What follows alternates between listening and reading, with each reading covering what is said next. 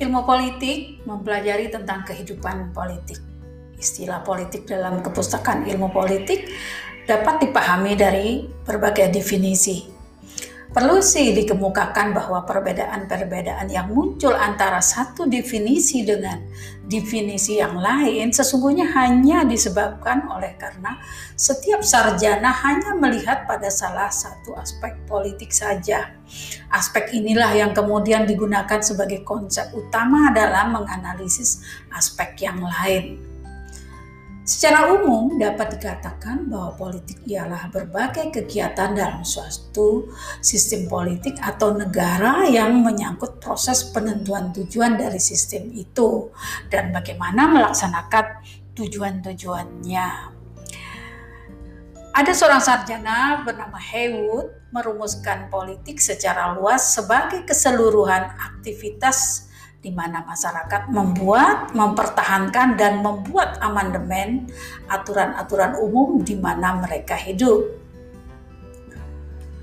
Pembuatan keputusan atau decision making mengenai apa yang menjadi tujuan dari sistem politik atau negara tidak dapat dipisahkan dari pemilihan antara beberapa alternatif dan penentuan urutan prioritas.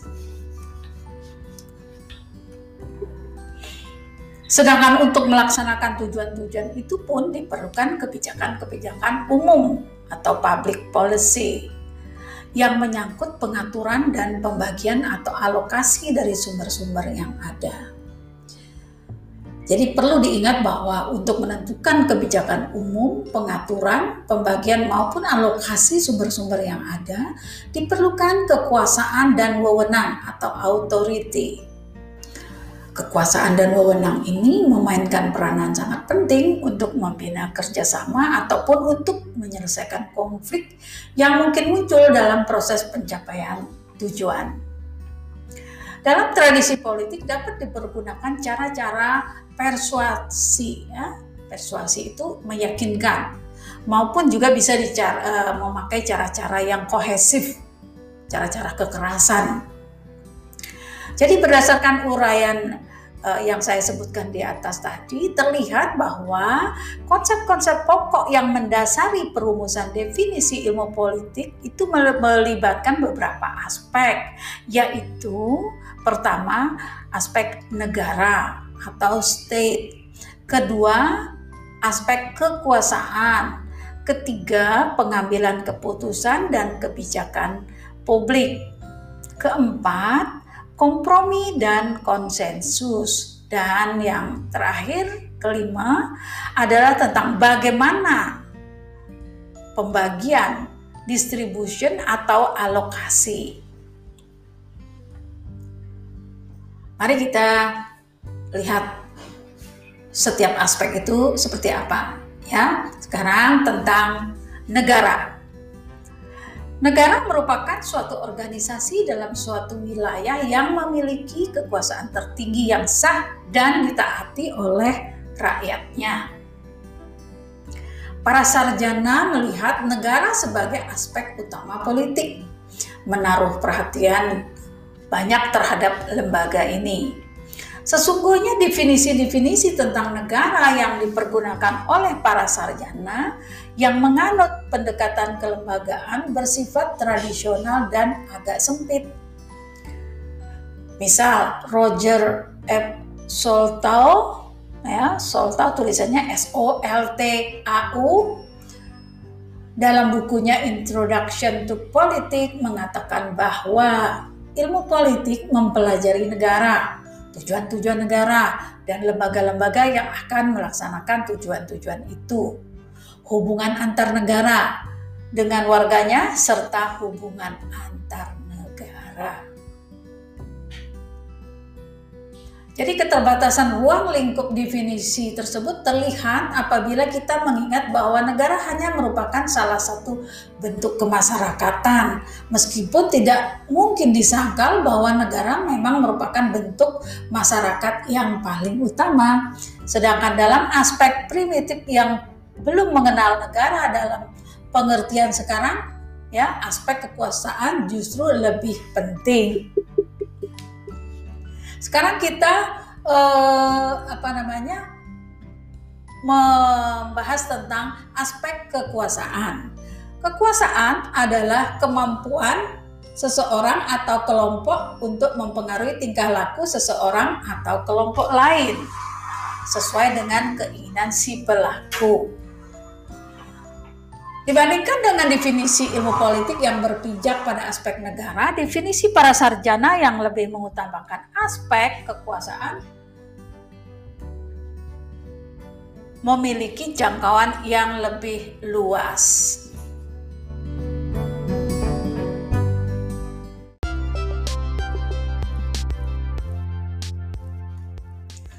Harap De Laswell dan A. Kaplan dalam Power and Society ya mengatakan bahwa ilmu politik mempelajari pembentukan dan pembagian kekuasaan.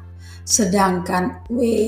A. Robson dalam The University Teaching of Social Sciences mengubah, mengemukakan bahwa ilmu politik mempelajari kekuasaan dalam masyarakat yaitu sifat hakiki dasar proses-proses uang lingkup dan hasil-hasil. Fokus perhatian seorang sarjana ilmu politik tertuju pada perjuangan untuk mencapai kekuasaan, mempertahankan kekuasaan, melaksanakan kekuasaan, atau pengaruh atas orang lain, atau menentang pelaksanaan kekuasaan itu. Definisi, definisi yang lain misalnya dikemukakan oleh Osipka Fletchstein dalam Fundamental of Political Science mengatakan bahwa ilmu politik adalah ilmu sosial yang khusus mempelajari sifat dan tujuan dari negara sejauh negara merupakan organisasi kekuasaan. Beserta sifat dan tujuan dari gejala-gejala kekuasaan lain yang tidak resmi yang dapat mempengaruhi negara. Sarjana-sarjana yang telah dikemukakan uh, di atas tadi tampaknya ya berpijak dari anggapan bahwa politik adalah semua kegiatan yang melibatkan berbagai usaha untuk mempertahankan atau merebut kekuasaan. Kendati pun perjuangan untuk kekuasaan ya power of struggle itu ya pada umumnya dilandasi dengan keinginan untuk kepentingan seluruh warga masyarakat. Nah, kita sekarang membahas tentang yang ketiga yaitu pengambilan keputusan dalam kebijakan publik ya. Pengambilan keputusan sebagai konsep pokok ilmu politik melibatkan keputusan-keputusan yang diambil secara kolektif dan mengikat seluruh warga masyarakat ya. Ruang lingkup keputusan itu pun dapat terbatas hanya pada penentuan tujuan masyarakat, namun dapat pula menjangkau keputusan-keputusan untuk mencapai tujuan tersebut. Kecuali itu ya, pengambilan keputusan sebagai aspek utama dari politik juga harus dilihat sebagai suatu proses memilih alternatif yang baik. Sehingga seandainya ya, misalnya Indonesia memutuskan untuk memberi prioritas kepada ekspor non migas, maka keputusan itu pun diambil setelah ya, setelah mempertimbangkan kemungkinan alternatif-alternatif yang lain aspek-aspek di atas juga banyak melibatkan masalah-masalah pembagian atau distribution yang kalau Harold, Harold De Laswell merumuskan bahwa who gets what, when and how. Siapa dapat apa, kapan dan bagaimana. Di samping itu, kajian mengenai pengambilan keputusan sering memusatkan perhatiannya kepada pertanyaan siapa yang mengambil keputusan dan siapa yang atau untuk siapa keputusan itu dibuat. Jadi siapa yang mengambil keputusan dan untuk siapa keputusan itu dibuat gitu. Definisi Joyce Mitchell dalam Political Analysis and Public Policy juga menyatakan bahwa politik adalah pengambilan keputusan kolektif atau pembuatan kebijakan umum untuk masyarakat seluruhnya. Begitu pula Karel W. Eh, Dutch mengemukakan bahwa politik adalah pengambilan keputusan melalui sarana umum. Keputusan itu berbeda dengan pengambilan keputusan-keputusan pribadi oleh seseorang dan keseluruhan dari keputusan itu merupakan sektor umum atau sektor publik dari suatu negara. Jadi kebijakan atau policy merupakan suatu kumpulan keputusan yang diambil oleh seorang pelaku atau suatu kelompok politik dalam rangka memilih tujuan dan cara untuk mencapai tujuan itu. Jadi pada prinsipnya pihak yang membuat kebijakan itu membuat mempunyai kekuasaan untuk melaksanakan kebijakan-kebijakan yang dibuatnya para sarjana ilmu politik yang memusatkan perhatian pada aspek kebijakan ini beranggapan bahwa masyarakat sebenarnya memiliki beberapa tujuan bersama yang ingin dicapai secara bersama pula. Untuk itu diperlukan rencana yang mengikat dan dirumuskan ke dalam kebijakan-kebijakan oleh pihak yang memiliki wewenang. Dengan menekankan pada aspek kebijakan umum itu, maka ilmu politik adalah kebijakan pemerintah. Proses terbentuknya serta akibat-akibatnya. Hogwarts ya juga mengatakan bahwa kebijakan umum ditafsirkan sebagai kebijakan untuk membangun masyarakat secara terarah melalui pemakaian kekuasaan. Definisi Eastern ya, Eastern lebih lengkap ya. Pada bukunya yang berjudul The Political System, ia mengatakan bahwa kehidupan politik mencakup bermacam-macam kegiatan yang mempengaruhi cara untuk melaksanakan kebijakan itu.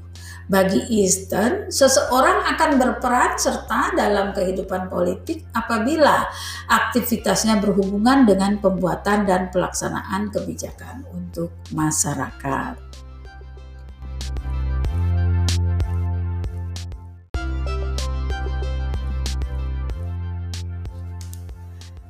Nah, aspek yang keempat yang mendasari definisi uh, ilmu politik adalah kompromi dan konsensus. Politik sering kali dianggap sebagai suatu cara untuk menyelesaikan sebuah konflik ya atau sering kita sebut dengan resolusi konflik melalui kompromi dan negosiasi ya dibandingkan melalui kekuatan atau aplikasi kekuasaan secara nyata.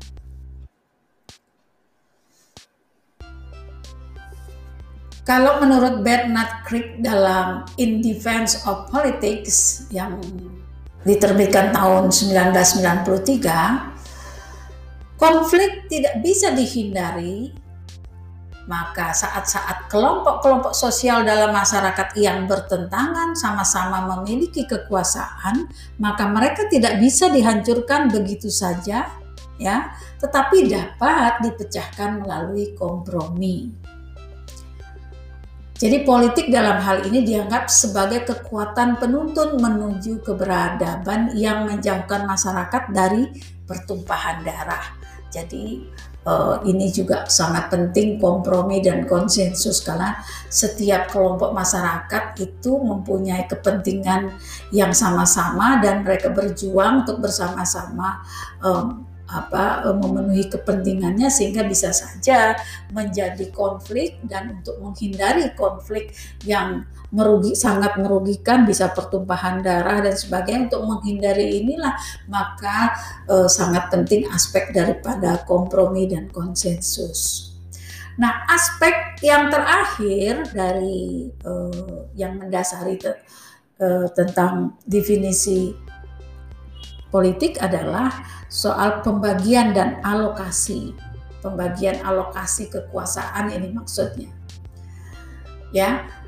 Pembagian dan alokasi yang dimaksud di sini adalah pembagian dan penjatahan ya, penjatahan nilai-nilai value dalam masyarakat. Politik kan adalah pembagian dan pengalokasian nilai-nilai secara mengikat. Jadi nilai-nilai dalam ilmu sosial diartikan sebagai sesuatu yang dianggap baik dan benar, sesuatu yang diinginkan, atau sesuatu yang mempunyai harga. Oleh karenanya ia selalu dikejar oleh manusia untuk dimiliki.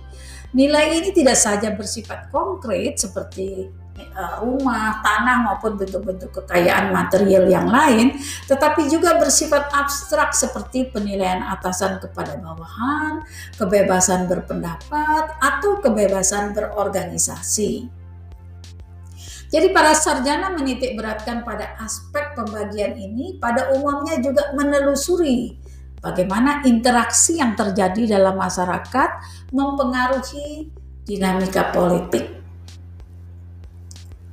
Sekali lagi Harold de Laswell ya mengemukakan bahwa politik adalah masalah siapa yang mendapatkan apa, kapan dan bagaimana. Sedangkan David Easton dalam bukunya A System Analysis of Political Life menyatakan bahwa sistem politik adalah keseluruhan interaksi yang mengatur pembagian nilai-nilai secara otoritatif, yaitu berdasarkan wewenang untuk dan atas nama masyarakat. Jadi ini adalah pembagian kekuasaan, wewenang, otoritas